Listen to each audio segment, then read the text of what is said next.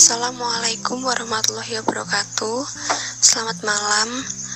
Saya ingin menanyakan mengenai suatu hal. Ini ada empat poin. Saya ingin menanyakan mengenai sakaratul maut. Berdasarkan pengalaman saya sendiri, dan ini cukup mengganggu hati dan pikiran saya. Untuk poin yang pertama yaitu yang ingin saya tanyakan adalah satu uh, menyaksikan sakaratul maut secara langsung itu berkah atau musibah ya. Dan untuk yang nomor dua alasannya kalau berkah kenapa dan kalau musibah kenapa. Kemudian yang ketiga apa yang seharusnya kita lakukan ketika serta selepas melihat sakaratul maut itu sendiri. Dan yang keempat apakah sakaratul maut itu berhubungan dengan perbuatan kita semasa hidup di dunia? Karena ada beberapa orang yang mengalami kesulitan dalam sakaratul maut. Mungkin itu ketika masa hidupnya dia sering berbuat salah atau zolim kepada sesama manusia dan Tuhannya. Itu apakah mempunyai hubungan ya? Mungkin hanya empat poin itu. Sekian Bismillahirrahmanirrahim. Waalaikumsalam warahmatullahi wabarakatuh. Ini adalah pertanyaan yang sangat bagus dari sahabat takwa. Yang pertama Apakah menyaksikan sakaratul maut itu berkah ataukah musibah bagi kita? Menyaksikan sakaratul maut itu bisa menjadi berkah dan bisa menjadi musibah bagi kita. Berkah ketika dengan menyaksikan sakaratul maut itu hati kita menjadi lebih lembut dan kita bisa mengambil pelajaran bahwa hidup kita di dunia ini hanyalah sementara dan bahwa kematian itu tidak bisa kita lari darinya. Sejauh apa pun kita berusaha untuk menghindari kematian, toh pada akhirnya kematian itu tetap juga akan mendatangi kita. Dan betapa sakitnya kematian itu karena memang sakaratul maut adalah hal yang paling menyakitkan yang akan dirasakan oleh setiap manusia yang hidup di dunia ini. Menyaksikan sakaratul maut bisa menjadi musibah ketika kita menyaksikan itu dalam keadaan hati kita lalai dan kita tidak bisa mengambil pelajaran darinya. Sehingga ketika tiba kematian pada orang lain dan kita menyaksikannya, kita sama sekali tidak bisa mengambil pelajaran yang bisa membuat kita uh, semakin beriman, semakin bertakwa kepada Allah Subhanahu wa taala. Maka itu menjadi musibah bagi diri kita, musibah bagi hati kita. Adapun dari sisi hubungan sosial tentu menyaksikan orang yang sedang merasakan kesakitan itu adalah sesuatu yang e, mengerikan dan kita harus ada simpati, ada empati ya. Jadi itu juga adalah sebuah musibah yang Allah Subhanahu wa taala timpakan untuk kita ketika kita melihat sesuatu yang sangat tidak mengenakan hati kita ya, yaitu orang yang merasakan kesakitan dalam sakaratul maut. Kemudian pertanyaan kedua sudah termasuk dalam uh, jawaban yang pertama tadi.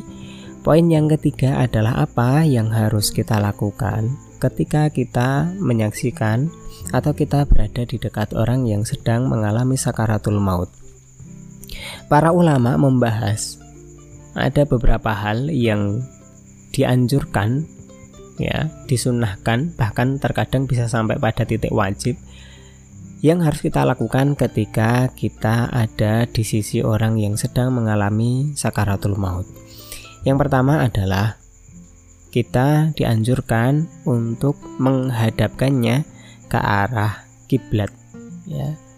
Jadi apabila dia dalam posisi tidur terlentang maka kita baringkan kita arahkan agar dia menghadap ke arah kiblat baik kepalanya di utara maupun kepalanya di selatan Intinya dia diarahkan sebisa mungkin untuk bisa menghadap ke kiblat.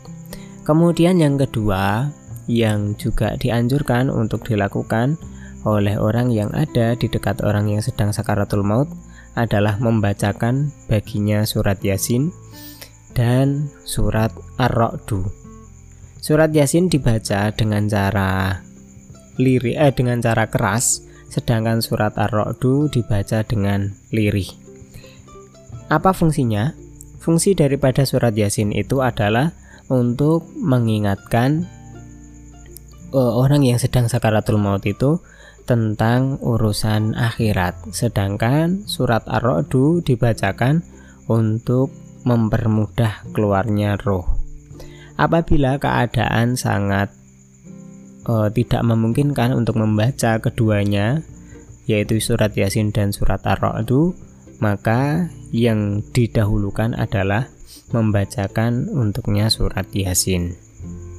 Ini ada di dalam hadis Nabi Shallallahu Alaihi Wasallam dan telah dijelaskan oleh banyak ulama.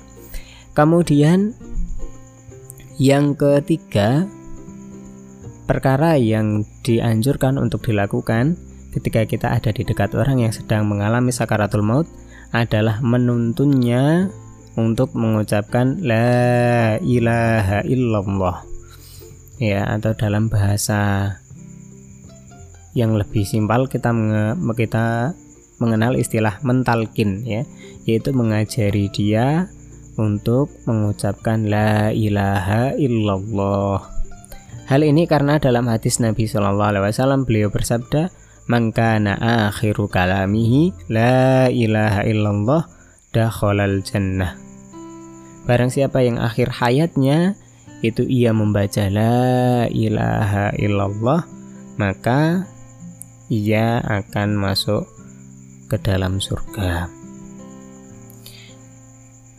Lalu kemudian perkara yang juga dianjurkan adalah memberi minum kepada orang yang sedang mengalami sakaratul maut. Karena dikisahkan bahwa orang yang mengalami sakaratul maut itu akan merasakan haus. Saking sakitnya sakaratul maut saking sakitnya proses keluarnya ruh dari tubuh dia akan mengalami haus yang sangat.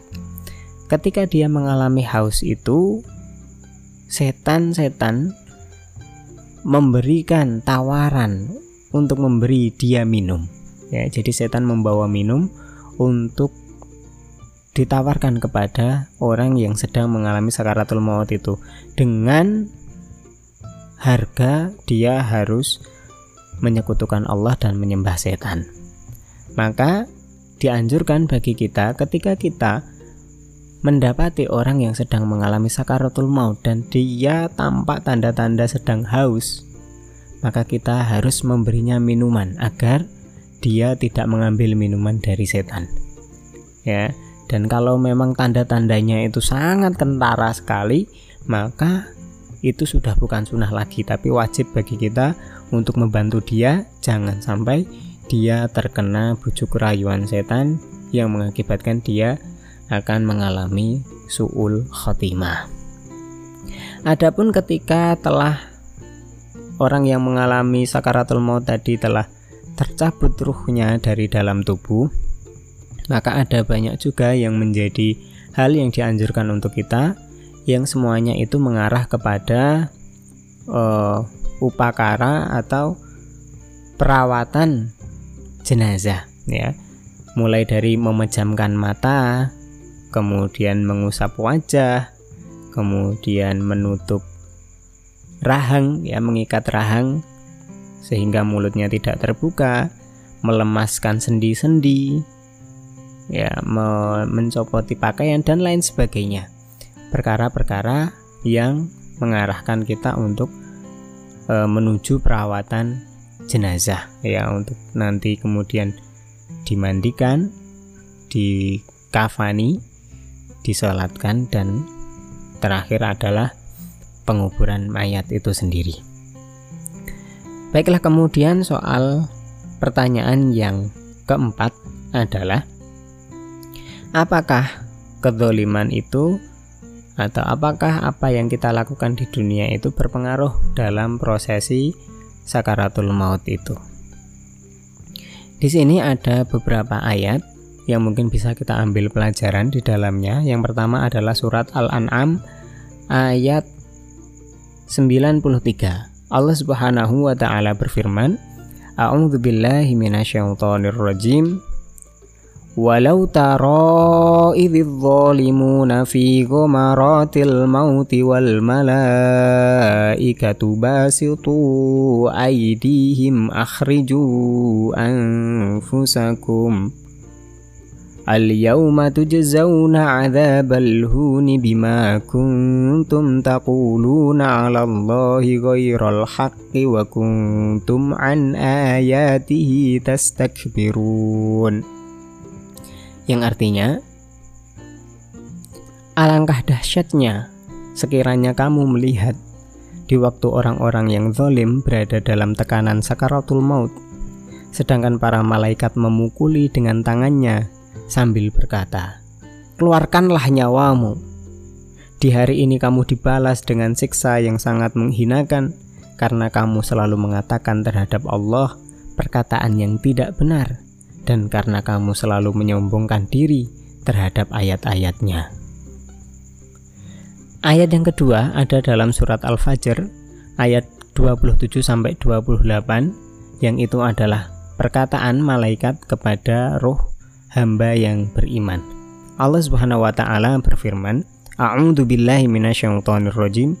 Ya ayyatuhan nafsul mutmainnah irji'i ila rabbiki radiyatan mardiyah yang artinya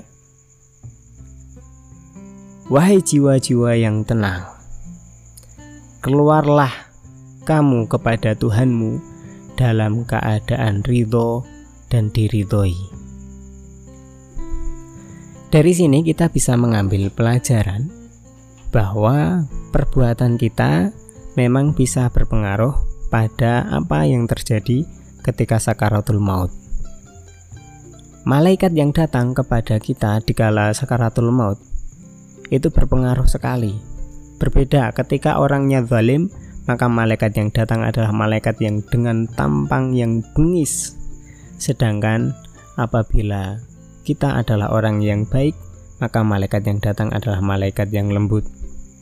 Dan diceritakan juga bahwa orang yang beriman maka ruhnya akan keluar dari tubuh seperti keluarnya air yang jernih dari mulut geriba air sehingga itu sangat lancar sekali. Meskipun dijelaskan juga oleh para ulama, sekalipun seperti itu, sakaratul maut tetap menjadi sesuatu yang sangat menyakitkan, tak peduli apakah dia itu beriman ataukah tidak beriman. Jadi walaupun digambarkan seperti keluarnya air dari mulut geriba, tapi tetap saja itu adalah sesuatu yang menyakitkan. Wallahu taala alam. Mungkin ini yang bisa uh, kami jawab. Semoga bermanfaat. Wassalamualaikum warahmatullahi wabarakatuh.